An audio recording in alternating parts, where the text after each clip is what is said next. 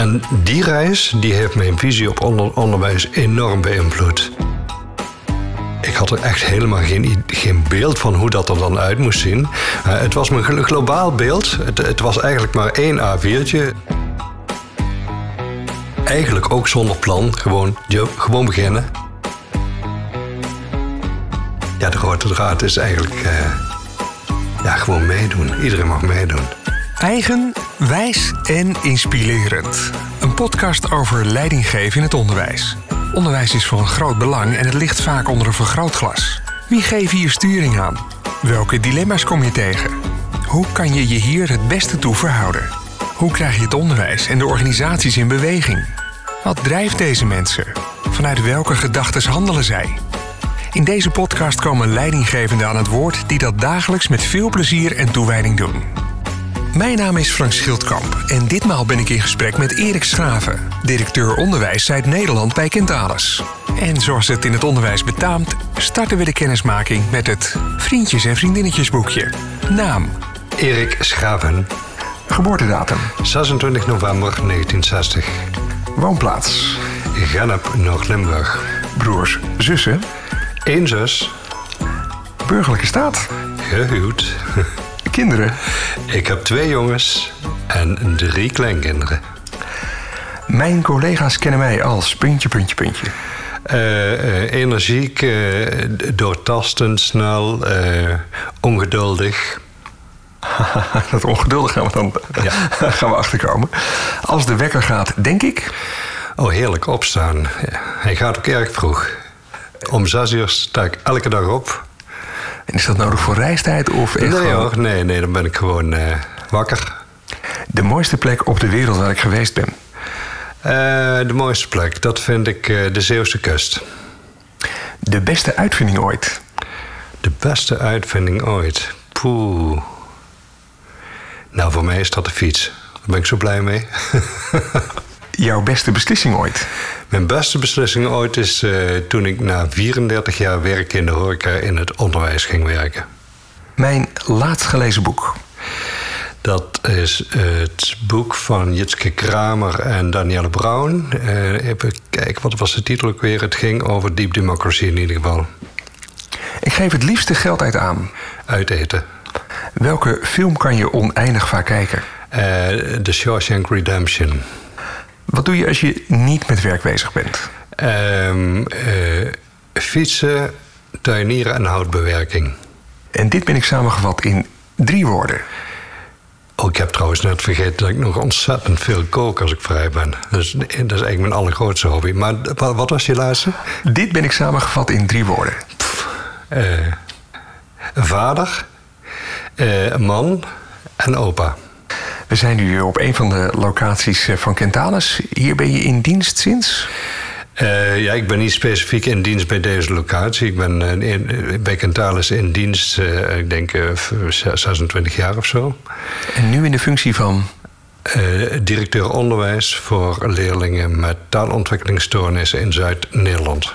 En dat zijn in totaal eh, 11 scholen, SO-scholen, VSO-scholen en vier ambulante diensten. Je bent het onderwijs ingestapt eh, vanaf je 34ste, maar neem eens mee van de middelbare school, je loopbaan. Eh, oh, dat is een heel vreemde loopbaan, denk ik. ik na de middel- middelbare school eh, ben ik twee jaar Nederlandse taal en letterkunde gaan studeren op de universiteit. Maar dat vond ik echt mega saai. Ik kwam in aanraking met de horeca. Ik, ik, ik werd gevraagd door een vriend om te helpen in de keuken van een restaurant. En dat heb ik toen gedaan en dat, eh, dat boeide mij mateloos. En toen ben ik gestopt met die studie eh, Nederlandse taal en letterkunde. En vervolgens eh, heb ik allerlei horecaopleidingen gedaan. En ben ik in een restaurant gaan werken waar ik binnen een, ja, een jaar of vijf, zes werd ik chef-kok. En op dat moment leidde ik ook leerlingen op vanuit het leerlingstelsel, zoals dat toen nog heette, vanuit het MBO. En dat heb ik uiteindelijk tot mijn 34ste gedaan. Een hele zware baan, echt mega hard werken, maar ook heel erg leerzaam. En de dingen die ik daar geleerd heb, heb ik ook in de rest van mijn carrière meegenomen. Misschien dat we daar nog wat verbindingen in eh, Ja. gaan maken. En toen werd je 34, toen veranderde er iets. Ja, toen kreeg ik kinderen en toen was het in tijd was het echt uh, niet meer te doen in die horeca. En toen uh, zei een vriendin, god, je kunt heel goed die leerlingen opleiden. Waarom ga je niet in het onderwijs werken? En ik dacht, hé, hey, dat is grappig. Want toen ik ne Nederlandse taal en letterkunde studeerde... wilde ik ook al in het onderwijs gaan werken. Ik wilde leraar Nederlands werken. Ik denk, hé, hey, dan kan ik via het zijpad alsnog in het onderwijs terechtkomen. En uh, toen ben ik een, een, een opleiding docent consumptieve technieken gaan doen. En per toeval stond er ook een vacature bij het toenmalige Instituut voor Doven in Sint-Michiels-Gestel. Ze zochten een uh, kok die in staat was om een, uh, een, nieuwe opleiding consumptieve technieken op te zetten. En die ook nog uh, zijn leraaropleiding had. Nou, ik had natuurlijk mijn leraaropleiding nog niet gehaald, want ik was net begonnen. Maar ik heb wel gesolliciteerd en daar ben ik toen begonnen. En toen ben ik in het eh, dovenonderwijs heb ik tien jaar lang uh, een, een, een, afdeling opgezet binnen het dovenonderwijs. Later kwamen er ook nog leerlingen bij met taalontwikkelingsstoornissen. Tot mijn 44 zo ongeveer. En toen heb ik een opleiding uh, onderwijskundig management gedaan. En toen kwam ik al vrij snel in de directie van de school terecht. En uh, ja, daar ben ik in doorontwikkeld, zeg maar. Want vanaf je 44ste leiding gaan geven en als je die loopbaan dan doortrekt, wat heb je allemaal gedaan? Uh, nou, toen ben ik uh, eerst uh, adjunct-directeur geweest op die dovenschool. En dat heb ik een aantal jaar gedaan. En toen werd ik directeur op die school. En toen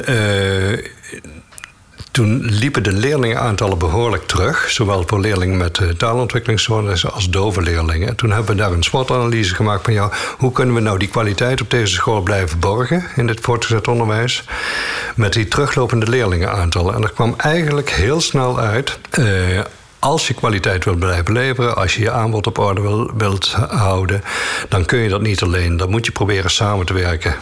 Met wat wisten we niet precies, maar in ieder geval op een ander niveau onderwijs in gaan richten. Nou, daar heb ik toen over nagedacht. Hoe zou dat eruit zien? Ik, ik had wel een idee om met een, eh, met een school te gaan samenwerken of uh, expertise uit te wisselen. Ik weet, het, het nog niet precies. Maar in die periode werd ik in staat gesteld om een studiereis te maken naar Canada met als thema inclusief onderwijs. Um, en die reis die heeft mijn visie op onder, onderwijs enorm beïnvloed. Ik heb toen een, uh, een week lang allerlei scholen in Toronto en de regio van Toronto bezocht waar een visie was op inclusief onderwijs. En ik heb uh, SO-scholen, of uh, basisscholen, voortgezet onderwijs. Uh, ik heb ministerie van Onderwijs zijn we geweest. ministerie van Sociale Zaken. Ik heb een, een staatssecretaris, of wat daar dan een staatssecretaris is, die hebben gesproken. En ik, ik was enorm onder de indruk dat de visie op inclusief onderwijs op alle lagen van het onderwijs leefde. Of je nou een schoonmaker tegenkwam op de gang, eh, een docent in de klas, een ondersteuner in de klas. Bij het ministerie van Onderwijs, de taal was overal hetzelfde. Alles was gericht op maximale participatie. Iedereen mocht meedoen. Daar was ik heel erg van onder de indruk en, uh, en, en, geïnspireerd. En toen kwam ik terug naar Nederland.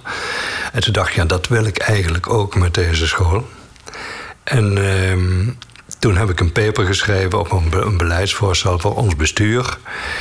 En uh, die, die, die, ja, die, die gingen daarin mee. Van ja, als jij dat denkt dat dat lukt, dan uh, ja, ik sprak niet heel erg veel vertrouwen in. Maar oké, ga maar onderzoeken of het lukt. En toen kwam ik uh, eerst een rondgang door allerlei, bij allerlei besturen. In Den Bosch ben ik geweest en in, in Veghel en in Os uiteindelijk. En in Os, daar had ik al heel snel beet. Daar zat een bestuurder. Uh, Jan Rijkers heette die. En die man die, uh, die kwam vanuit de onderwijsinspectie. En die was eigenlijk van meet af aan heel enthousiast. Hij zei, dat gaan we doen. Wat een prachtig plan. We gaan het hier op deze school uh, inclusief vormgeven. En, wat stond er dan in dat plan? Drie, vier dingen waarvan je zei, ja, maar dat, dat was zo anders. Nou, in dat plan stond onder andere dat wij uh, leerlingen die. Uh, we hadden al leerlingen die we begeleiden in het regulier onderwijs met ambulante ondersteuning.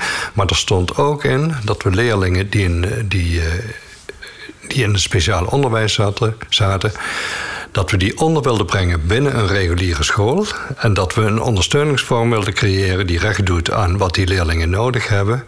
En waar we al die leerlingen met een bepaalde vorm van ondersteuning wilde begeleiden. En ik, ik, had er echt helemaal geen, geen beeld van hoe dat er dan uit moest zien. het was mijn globaal beeld. Het, het, was eigenlijk maar één A4'tje. Het, programma Droomvlucht hadden we het genoemd. Een, een, een beetje de Efteling, zeg maar. Een, een droomvlucht. Hoe zou je het willen hebben? Nou, die droomvlucht die kwam goed over. Jouw droomvlucht, zei hij elke keer. Hoe zit het met jouw droomvlucht? Ja, dat gaat goed komen. Maar die droomvlucht die is uiteindelijk... Uh, uitgevoerd. En uh, dat heeft natuurlijk wel uh, wat voet in aarde gehad voordat we precies datgene bereikt hadden wat we wilden. Er zijn wel een aantal jaren overheen gegaan. Maar eh, op het moment dat die Jan Rijkers zei van nou we gaan het doen. Nou, toen ging het ook. Uh, in de eerste stappen gingen gigantisch snel. We hadden in januari een gesprek. En in augustus uh, hadden we de eerste klasse op die, op die middelbare school, VMBO-klasse. En die leerlingen, dat waren denk ik twintig leerlingen, kleine twintig leerlingen die daar zaten. En die ja, die hadden het verschrikkelijk naar hun zin. Die hadden een prachtig aanbod van beroepsvakken. En die hadden uh, in één keer, die niet meer in de taxi te zitten. Toevallig kwamen een groot deel van die leerlingen, die kwamen ook uit Os. En die, uh, nou, die werden goed begeleid. En ook de medewerkers van Kentalis die meegingen in de ondersteuning. En die, die, die, die vonden het hartstikke fijn. Met degene waar, we, waar ik dit project toen gedaan had, ze ging wel heel snel bij elkaar zitten. Jezus, dit gaat echt heel goed. Het is hartstikke leuk dit. Uh, we moeten eigenlijk gewoon die hele WMBO-populatie volgend jaar overhevelen naar die reguliere school. En eigenlijk moeten we dat ook doen met leerlingen uit praktijkonderwijs. Per toeval werd er in Os net een praktijkschool gebouwd.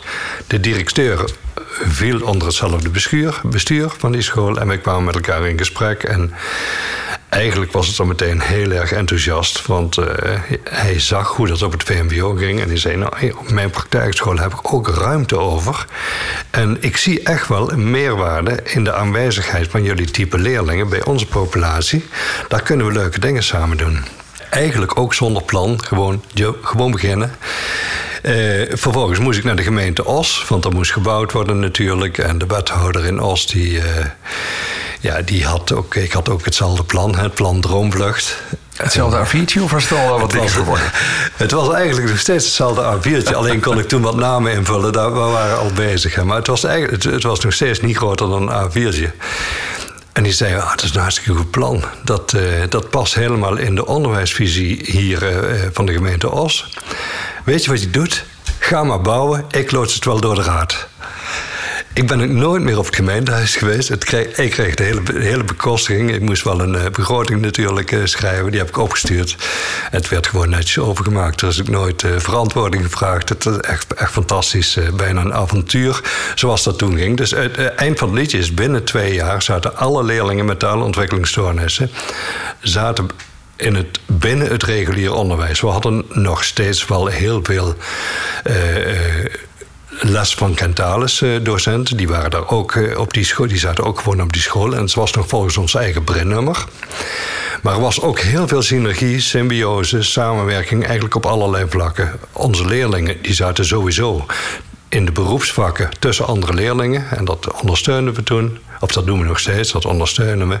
Maar we deden ook mee met sportdagen. We deden mee met cultuuruitstapjes. Uh, uh, uh, ja, eigenlijk alles wat rondom dat onderwijs hing... dat deden we ook aan mee. De kerstvieringen, de stages. Ehm, ja, je, kunt het niet opnoemen, maar in ieder geval... dat, dat, dat ging allemaal heel prima. Um, in de samenwerking met die school hebben we ook gekeken van nou, wat willen we eigenlijk bereiken? Welke route volgen we? En het was ook heel duidelijk van die samenwerking, die was wel gebaseerd op, op dat A4'tje, de droomvlucht. Maar we wilden wel doorgroeien naar synergie. Want wat kunnen we hier van elkaar halen? Wat, wat kunnen we verbeteren? Per school. En hoe kunnen we dat naar elkaar toe brengen? Nou, daar hebben we ook een heel traject opgezet, docenten bij elkaar gezet van nou, hoe kunnen we de symbiose zoeken? Wat, eh, wat kunnen jullie van ons leren? Wat, wat kunnen wij van jullie leren? Wat is voor ons makkelijk en voor jullie moeilijk en andersom? En hoe kunnen we elkaar daarin versterken? Hebben we een traject opgezet, daar hebben we ook uh, metingen op verricht. Uh, echt een, een, een, heel proces is dat geweest. Ik kwam ook weer terug met, met een enquête. nou, uiteindelijk liep dat gewoon heel erg goed. En sinds dat doen we nu, ik denk, zes jaar. En in die zes jaar hebben we er elk jaar stapjes in gezet. En nu, nu zijn we op het punt dat alle leerlingen die in de bovenbouw les krijgen, in, uh, uh, hoe heet dat, onderwijs volgen, die zijn nog steeds ingeschreven bij Kentalis, maar volgen wel alle lessen bij de partnerschool. En vanuit Kentalis ondersteunen we dat op maat. Normaal gesproken kan dat helemaal niet. Je kunt niet een speciaal onderwijs en dan op een andere school les krijgen. Maar dat, kan met de beleidsregel experimenten. Ik weet niet of je daar ooit van gehoord hebt. Maar de minister heeft de mogelijkheden geschapen om scholen die heel vergaand willen integreren binnen het reguliere onderwijs de mogelijkheid te bieden met behulp van de beleidsregel experimenten. Daar kun je op inschrijven, die kun je aanvragen, dat hebben we inmiddels gedaan. En eh, met behulp van die beleidsregel hoeven we ons niet meer druk te maken om uren te bellen of een maximum aantal uren in een reguliere klas. We kunnen echt vrij door die school bewegen. En het mooie is, de partnerschool kan ook zijn leerlingen in onze klassen plaatsen. Kijk, als wij een, een, een project doen of een traject rondom uh, zelfredzaamheid of rondom communicatieve vaardigheden met onze logopedist, dan mogen daar ook leerlingen van de partnerschool aansluiten. En dat biedt natuurlijk ook weer plotseling heel veel mogelijkheden voor die partnerschool. Dat doen we allemaal met gesloten beurzen. Of in ieder geval, we strepen dingen tegen elkaar weg. En dat maakt het heel makkelijk. Dit loopt nog steeds door? Dit loopt nog steeds door. Het, is wel heel mooi om te vertellen. Want ehm, eh, als je een nieuwe school start... Hè, je moest een, op een nieuw brennnummer gaat dat. Als je een nieuwe school, uh, school start... dan komt de onderwijsinspectie meteen kijken... in een soort van verificatieonderzoek. Hou je wel aan de regels? Voldoe je wel aan de normen? En, en dat soort dingen. En het jaar daarna wordt er een heel onderzoek uitgevoerd. Nou, dat verificatieonderzoek, dat was was meteen goed. Uh, anderhalf jaar later kregen wij een gewoon onderzoek. En toen bleek al meteen van nou jongens, dit is fantastisch wat jullie doen. Dit is, uh, ja, we kregen meteen de kwalificatie goed. En de onderwijsinspecteur die gaf aan, jong, je moet echt voor excellent gaan. Want dit is zo'n prachtig voorbeeld voor de rest van het speciaal onderwijs op deze manier samenwerken met die visie, dat is echt, uh, ja, echt hartstikke goed. Uh, nou, ik was zelf een beetje terughoudend, om dat al na anderhalf jaar meteen aan te vragen. Ik denk, nou, zijn we wel stabiel genoeg? En we hebben nog niet alles uitgekristalliseerd. En er waren nog steeds hobbels die overwonnen moesten worden. Dat heb je natuurlijk in zo'n aanloopperiode. Maar ja, mijn collega wist me er toch van te overtuigen. Wel, gaan we doen. Uh, dat komt wel goed. Dus met een collega en iemand die heel erg gericht is op eh, kwaliteitswerk, hebben we eens gekeken wat is er voor nodig voor dat excellentieprofiel. Nou, we hebben natuurlijk toch aangevraagd. En ja, het, en ook gekregen. Dus het eind van het liedje is binnen 2,5 jaar was die school ook excellent. En dat straalt natuurlijk ook weer op op die partnerschool. Want die hè, in de vaart der volkeren gaat die mee. Die krijgt ook weer uh, exposure en aandacht en uh, iets te vieren. Dat is hartstikke mooi. Het had natuurlijk ook gevolgen voor andere BSO-scholen binnen Kentalis. Want dat werd dat wordt ook gedeeld, wat we daar doen. En het, uh, had ook, uh, ja, het, het, kwam ook in beeld bij ons bestuur natuurlijk. Van hé, hey, dat is wel heel leuk wat daar gebeurt. En uiteindelijk heeft dat ook geleid tot een hele beleidsvisie uh, binnen Kentalis op inclusiever denken.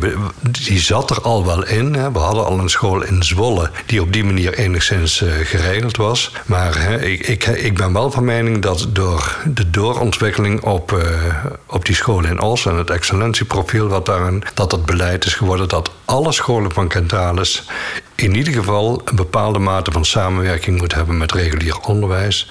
En liefst nog meer. Eh, en op dit moment hebben we vier, vier VSO-scholen van Kentalis die in mm, volledig of gedeeltelijk inclusief zijn ingericht. We hebben Kentalis College Arnhem werkt op, hetzelfde manier, op dezelfde manier als uh, Kentalis College in Os.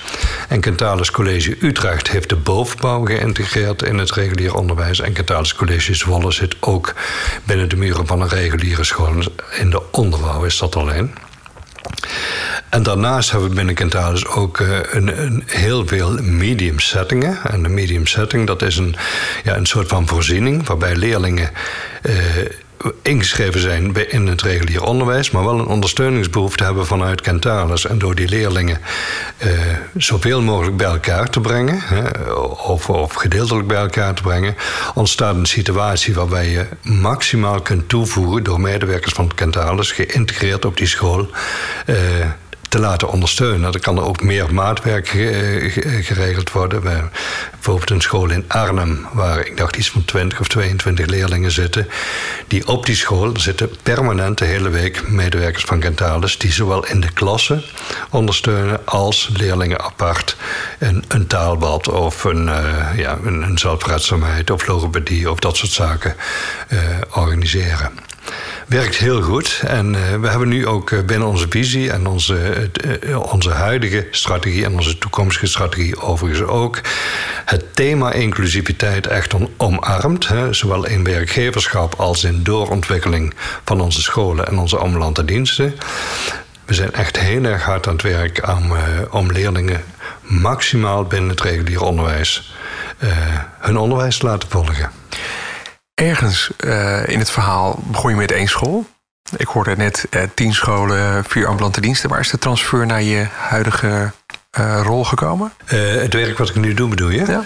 Nou ja, ik, de, ik, de, de baan. Ik, ik heb, toen ik directeur was in Als, op een gegeven moment was dat, dat project liep heel erg goed. En toen werd ik gevraagd of ik uh, tijdelijk directeur kon worden in Utrecht, een interimfunctie. En later nog directeur in Nijmegen. En op een gegeven moment hadden we, is er een reorganisatie geweest bij Kentalis, een andere aansturingsvorm. En toen uh, ja, kwam de huidige vacature vrij en daar heb ik op gesolliciteerd en ben ik ook geworden. Dus een directeur onderwijs van Zuid-Nederland.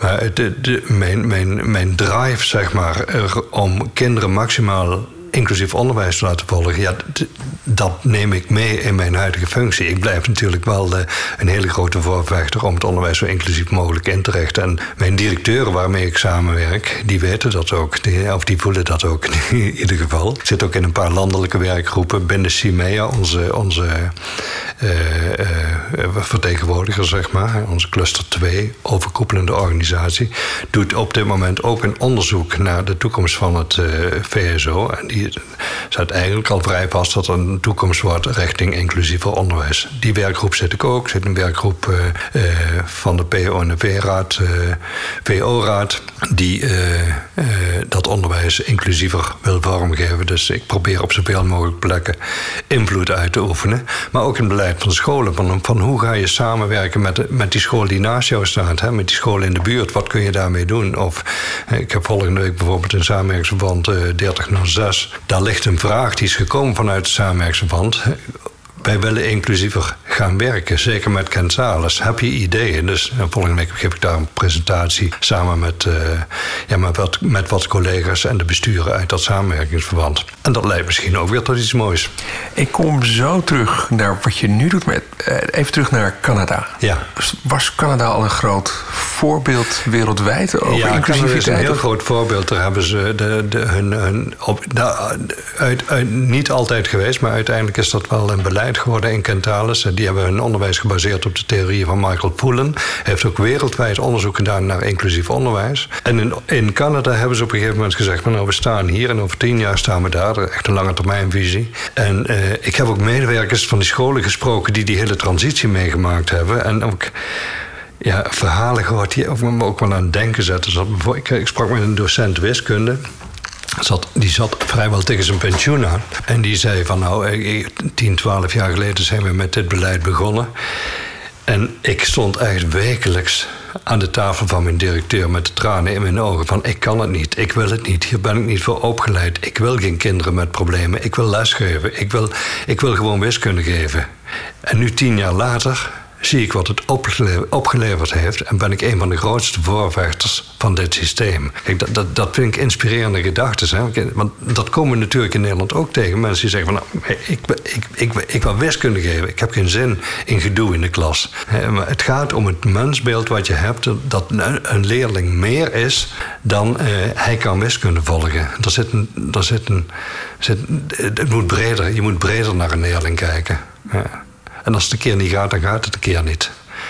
Maar we moeten hem niet wegzoeken achter de slagboom van eh, eh, daar in het bos. Daar mogen de leerlingen zitten met taalontwikkelingsstoornis. Dan zetten we een slagboom neer. En liefst heel veel bomen, dat we het niet zien. Zo, die gedachte die is echt gedateerd. Die leerling, iedere leerling hoort erbij.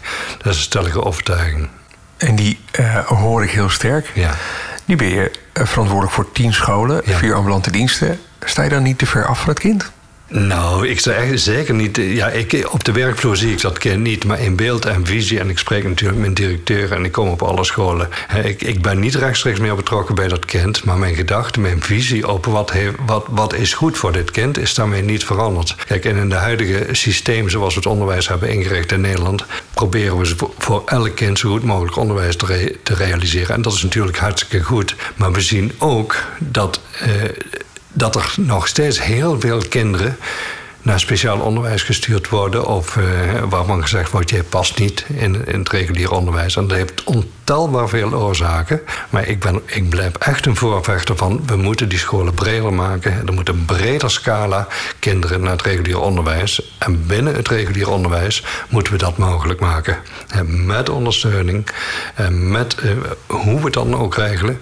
Maar daar moeten we het zien te regelen. En niet dat gemiddelde steeds smaller maken. Hoe ziet je gemiddelde werkdag eruit? Mijn gemiddelde werkdag? Ja, nou, Bestaat er een gemiddelde werkdag? Hoe ziet je week eruit? Nou, eh, ik, ik, mijn managementassistent kan dat misschien beter zeggen. Maar uh, nee, mijn, werkdag. Ik, sta vroeg op en ik begin altijd heel vroeg te werken. En ik heel veel gesprekken met directeuren, heel veel, gesprekken, heel veel gesprekken in de, boven de samenwerkingsverbanden, bovenschoolse werkgroepen, managementoverleg. Er zit natuurlijk een groot stuk management in. Maar ik probeer ook echt heel veel tijd in te ruimen om in, in gesprek te gaan met, met met de werkvloer. En ook, ik probeer ook de pareltjes eruit te halen van uh, waar kan ik invloed uitoefenen op, uh, op, op inclusief onderwijs. Ik ben vorige week ben ik dan, uh, was ik in Utrecht. was een bijeenkomst die georganiseerd was door de VOP-raad en, en mogelijk gemaakt door de werkgroep Passend Onderwijs, waarbij we mee kunnen praten over wat is nodig, welke blokkades liggen er om de route naar inclusief onderwijs te versoepelen. Eh, wat moeten we daaraan doen? Nou, dat, daar, praat ik over mee. Volgende week heb ik dan een gesprek met Samenwerksband. Vind ik een mooie parel. 4 november uh, is, is de week van het gespecialiseerd onderwijs. Is er een mooi symposium. Daar probeer ik ook mee te praten. Op allerlei gebieden probeer ik die invloed op mijn, eh, mijn gedachtegoed te laten landen. Wat is nou die rode draad van al die banen en locaties tot aan de keuken toe? welke rode draad zie ik dan? Nou, ik, ik denk meedoen. En ik vind, nou, nou denk ik misschien nog een hele leuke anekdote. Toen ik, uh, toen ik docent consumptieve technieken werd, hè, 34, 35.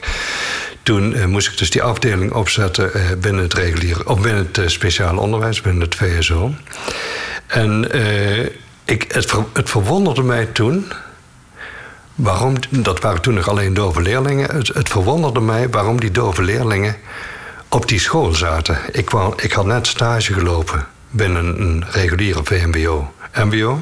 En toen dacht ik van nou, ik zit hier nou in speciaal onderwijs. Ik doe eigenlijk precies hetzelfde als in het reguliere onderwijs. En toen had ik mijn eerste functioneringsgesprek. En toen vroeg ik aan die directeur... waarom nemen die leerlingen niet mee naar die reguliere VMBO? Dan kunnen ze tussen andere leerlingen kunnen kunnen kijken wat die aan het doen zijn. Toen moest hij heel hard lachen. En toen zei hij... Je kunt wel zien dat je hier nog maar net werkt. dus dat, is me ook altijd bijgebleven. Ik denk, ja... Dat is mooi, hè? Pijnlijk mooi. Maar wat is de rode draad? Ja, ik weet niet wat de rode draad is. Uh, ja, de rode draad is eigenlijk... Uh, ja, gewoon meedoen. Iedereen mag meedoen. Maar er zit iets in jouw stijl wat zorgt dat de dingen in beweging komen. Dat, het was een A4'tje en het was goed genoeg. Ja, ik had ook de, de, mensen om me heen die ook enthousiast waren. Ik heb een, eh, dat, misschien heb ik het wel handig aangepakt dat ik wat, uh, ja, wat mensen gezocht heb of, of, aangevoeld van nou die wil met mij mee en die wil het mee ontwikkelen en dat geeft energie. Ik weet nog in de periode als je een nieuwe school opstart met energie en passie kun je ook bijna niet meer stoppen. Dat ging tot zaterdagavond door, dat we nog stiekem in overleg zaten. Dat is, die passie, dat, dan, dan heb je ook geen, geen projectplan nodig. Hè? Als, het erin zit, dan kun je gewoon aan de slag.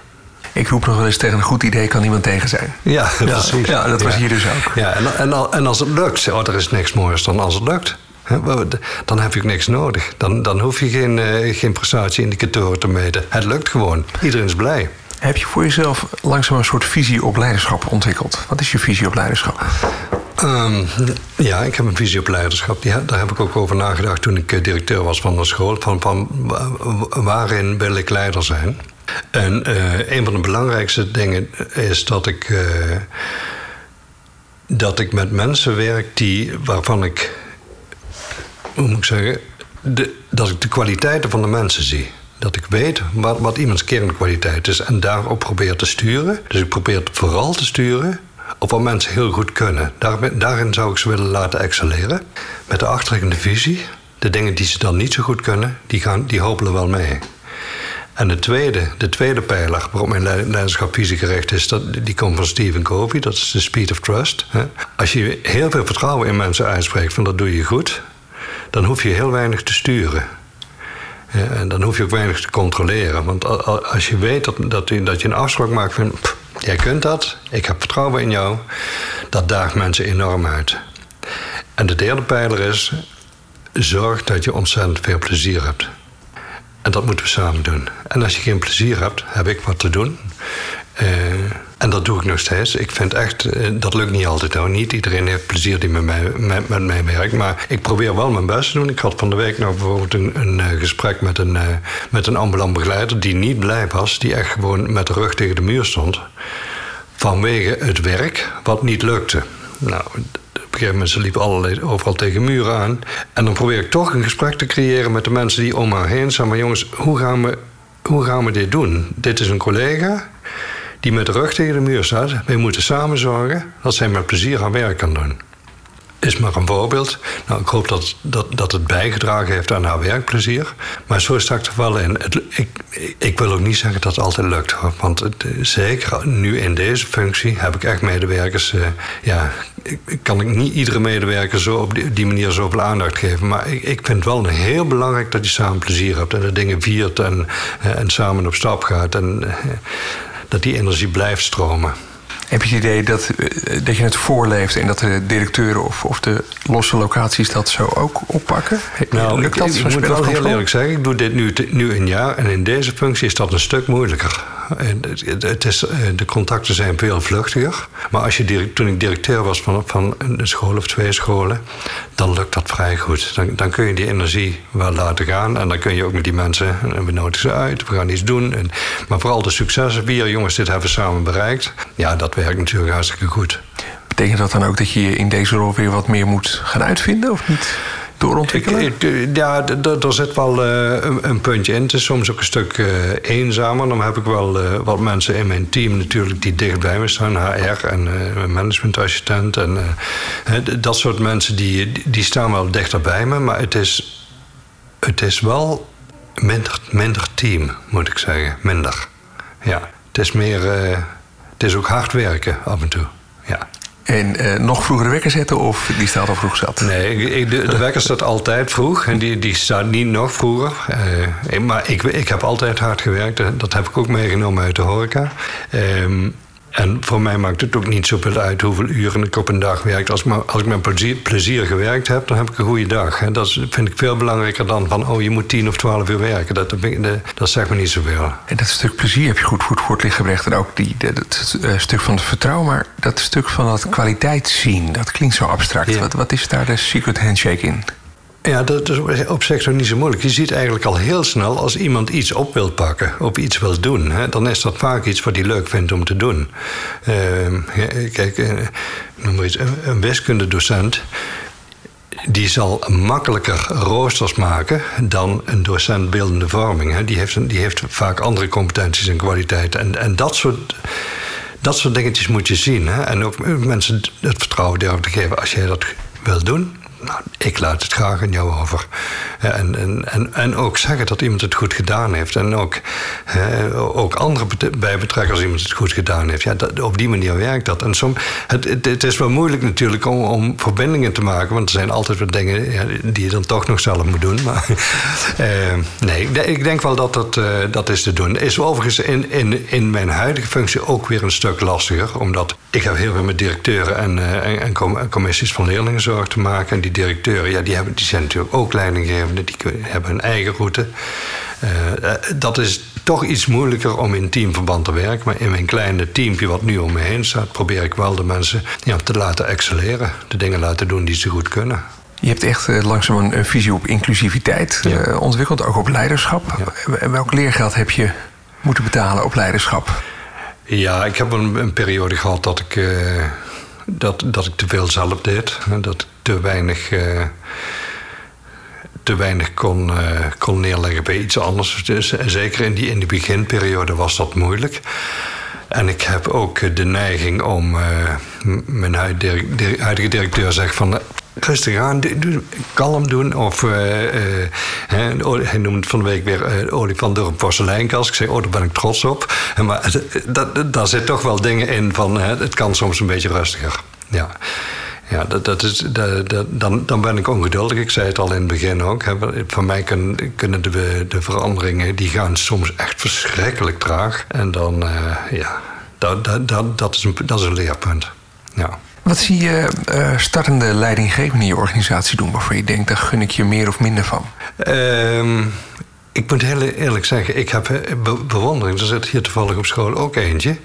Ik heb echt heel veel bewondering voor die, uh, voor die jongeren die dat op deze manier oppakken. Die, die, die maken eerlijk gezegd betere keuzes als ik vroeger maakte. Die, die zijn meer in balans dan ik vroeger. Die, zijn, uh, die staan ontspannender in hun werk. En wat ik ze mee wil geven is dat, dat ze soms op afstand moeten gaan staan. Hè? Dus ze laten zich nog vaak meer naar die werkvloer toe, zuigen. En ik gun het ze dat ze afstand nemen en, en zich de vraag stellen: waarom doen we dit nu eigenlijk? Waarom? Wat, wat, wat voegt dit toe? Wat draagt dit bij? En dat ze ook af en toe keuzes durven te maken van nee, dit draagt niks bij, ik, ik doe het niet meer. Of uh, dit is niet goed voor onze leerlingen. we kunnen het beter anders doen. Afstand nemen leidt tot verbetering. Waar ben je het meeste trots op als je zo eens terugkijkt? Uh... Ja, mijn eigen kinderen natuurlijk. Maar uh, in, mijn, in mijn carrière ben ik, ik, ben, ik ben trots op... ik ben echt heel trots op die school die we opgebouwd hebben in, in een hele korte tijd. En dat dat nog steeds een succes is. Ik ben ook wel trots op mijn eigen carrière. En ja, ik ben ook trots op mijn medewerkers. Ik heb echt fantastische collega's gehad die ik ja, omarm, bij wijze, bij wijze van spreken. Hoe zorg je voor die kruisbestuiving van, van wat je bereikt hebt? Hoe doe je dat binnen Kentalis? Um, ik zit in, het, uh, in verschillende directeuroverleg. Ik, zat, uh, ik was eerst voorzitter van sectoroverleg voortgezet onderwijs. Nou, op, die positie kun je natuurlijk heel veel delen. Uh, maar ik probeer echt binnen Kentalis echt mijn stem te laten horen. Mijn bestuurder weet ervan. Als er iets over inclusief onderwijs gaat, dan word ik gebeld. inmiddels heb ik wel een positie van... ze weten wel wat mijn visie is en waar, waar ik naartoe moet. Dus daar weten ze me wel te vinden. En ik probeer mensen heel erg te enthousiasmeren. Van jongens, dit is echt goed voor leerlingen, dit is goed voor medewerkers. Want dat hebben we misschien net te weinig benoemd. Het inclusief denken, het samenwerken met regulier onderwijs, is heel goed voor onze leerlingen, maar ook heel goed voor onze docenten. Die worden er heel blij van die kruisbestuiving die is ook heel belangrijk. Is dat uh, zeg maar het voorbeeld wat, wat je vertelde, dat iemand na tien jaar terugkijkt en echt ziet? Wat in Canada gebeurde, maar wat ik, wat, wat ik ook echt meemaak op, uh, in, in Os en nu in Arnhem en in Utrecht, dat de medewerkers vanuit speciaal onderwijs binnen een reguliere setting hun expertise kunnen laten vloeien, geeft ontzettend veel energie. Die zijn blij, die willen niet meer terug. We hadden het net over plezier. Ja. En, en daar, daar ben je een voorvechter voor. Ja. Zijn er nog energielekken op de dag of in de week? Ja, die zijn er. Wat, wat uh, trekt de nou, energie ja, Als er iets mislukt of, of iemand is ontevreden of, uh, of ik word verkeerd uh, begrepen of dat soort energielekken. Dat, maar er gebeurt natuurlijk van alles op een school of in, in zo'n grote organisatie. Kijk, als je zoveel mensen met mij te maken krijgen, dan, dan zijn er energielekken. Ja, die zijn er. En, zijn ze te voorkomen of is het te accepteren? Nou, ik, dus te voorkomen zijn ze niet, maar ik, ik hoop ze wel op te lossen. Ik doe altijd vreselijk mijn best. Hè. Als we een, geschil hebben of, mijn, uh, of we komen er samen niet meteen uit, doe ik wel vreselijk mijn best om ervoor te zorgen dat het wel, wel weer goed komt. Hè. Of dat we de schade herstellen. Ja, to right wrongs. Hè. Wat heb je hopeloos onderschat? Wat heb je hopeloos onderschat?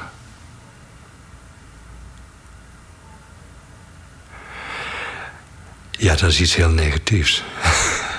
De veranderkracht van de organisatie. Nou, ik denk dat het een algemeenheid is. Ja. En, en, en, wat frustreert daarin? Of wat, wat nou, puzzelt je daarin? Kijk, wat ik straks vertelde in hoe we, hoe we dat project in, uh, in Os gestart zijn, is eigenlijk zonder projectplan en een A4'tje en een Excelletje en dan hield het wel ongeveer op. Maar uh, er zijn zo verschrikkelijk veel regels waar je aan moet houden. Ik noem iets AVG of uh, als ik een ICT systeempje willen hebben, dan moet er een verwerkersovereenkomst komen. Een DPIA, nou, het simpelste systeem, duurt een half jaar voordat we dat kunnen, kunnen aanschaffen. Nou, dat soort dingen die maken wij af en toe moedeloos. En is dat nog te bevechten of is dat dan accepteren? Ja, is dat nog te bevechten? Ja, ik blijf er wel tegen bevechten. Nou, in, in ieder geval, we hebben nu weer zo'n heel traject achter de rug wat een half jaar gekost heeft. Daarvan hebben we gezegd, laten we eens een keer om de tafel gaan zitten om te kijken, dan kunnen we hier in plaats van een half jaar een, eh, een, een halve maand van maken. Want het, het, het,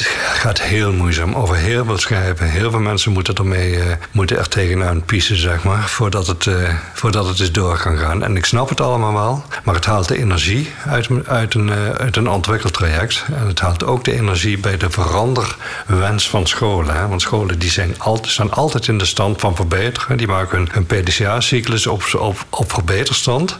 En als er dan iets is wat, ja, wat, wat zoiets kost, hè? Wat, wat tijd kosten, dan zakt die energie meteen ook weg. Dat, dan, dat, dat werkt niet bevorderlijk in, eh, in het verbeteren van, eh, van de kwaliteit van het onderwijs. En dat is jammer. Als je nou over vijf jaar spreekt, waar is de organisatie dan? Oh, het zou heel mooi zijn. Het zou heel mooi zijn als al onze WSO-scholen eh, volledig inclusief zijn. Dat zou ik echt, uh, een, een, dat zou ik echt een mooi resultaat vinden. En het zou ook, ik zou het ook een heel mooi resultaat vinden als onze ambulante diensten en onze scholen zodanig verbonden worden dat er een uh, ondersteuningscontinuum staat. Waarbij niet uitmaakt of je nou in het speciaal onderwijs zit of in het regulier onderwijs ondersteund wordt, maar dat dat continuum op een of andere manier zodanig is ingericht dat het voor die leerling het allerbeste is en dat voor de medewerker energiegevend is. Zullen we die als alinea op dat A4'tje erbij schrijven meteen? dat zou heel mooi zijn, ja. Uh, wat zie je in het onderwijsveld wat, wat uh, op ons afkomt, waar we wel wat mee moeten? Ja, kijk, het, ligt natuurlijk voor de hand om over personeel te spreken. Maar ik denk dat, uh, dat het de onderwijsinhoudelijk curriculum ook echt tegen het licht gehouden moet worden. We moeten, ik denk niet dat ons curriculum bijdraagt aan een inclusieve maatschappij een participatiemaatschappij of aan het, aan het geluk van van onze toekomstige generatie. Als je ziet wat uh, qua, qua, ecologische problematiek, uh, milieu, energie, dat soort aspecten gaan een enorme impact hebben op onze op toekomstige onderwijs. En ik denk dat we daar nu al iets mee zouden moeten. Kijk, we hebben ons onderwijs als een economisch principe ingericht. Hè. We, hebben, we stoppen er kennis in, hè. tijd, energie, kennis. Leerling die doet daar iets mee. En vervolgens komt er een leerling uit die zelfredzaam is, uh, toevoegt aan de economie, geld verdient enzovoorts. Maar ik denk dat we onderwijs zodanig moeten inrichten dat dat niet alleen een financiële output moet hebben, maar ook een ecologische output. Dus meer gericht op milieu, eh, ecologisch neutraal. Eh, dat soort concepten moeten we mee nemen bijvoorbeeld Kees Klomp, die nou die Hogeschool van Rotterdam, die hun economieopleiding ingericht hebben op dat principe. natuurlijk heel erg vooruitstrevend om een economische opleiding in te richten op basis van een ecologische output. Nou, dat soort aspecten, dat moet in het onderwijs eh, echt gaan veranderen. Minder nadruk op leeropbrengsten en meer nadruk op welzijn, welbevinden en ecologische vooruitgang. Leidinggeven in het onderwijs, dat is een van de leukste rotbanen denkbaar. roep ik nog wel eens. Wat, wat gun jij uh, mensen die twijfelen of ze meer willen doen met leidinggeven in het onderwijs? Wat gun je ze? Ja, ik gun ze een, een, een, samenwerking met een bevlogen team. Met, met medewerkers die, eh, die vooruit willen, die uh, ondernemend zijn, die, ja, die bijdragen aan, aan een positieve onderwijsontwikkeling. Het is echt een mooie baan hoor. Ik vind het echt een geweldige baan. Ik wilde afronden met een tegeltjeswijsheid. Welke tegeltje zou bij jou oh, aan de muur horen? Een tegeltjeswijsheid. Jongen, jongen. Ja, ik zeg, kijk, als mensen druk hebben, dan zeg ik altijd van. Uh, of ze roepen dat ze het heel druk hebben. Ik zeg, jongens, een dag heeft 24 uur. Rustig aan. Aan het woord was uh, Erik Schraven. Dankjewel voor je tijd. Graag gedaan.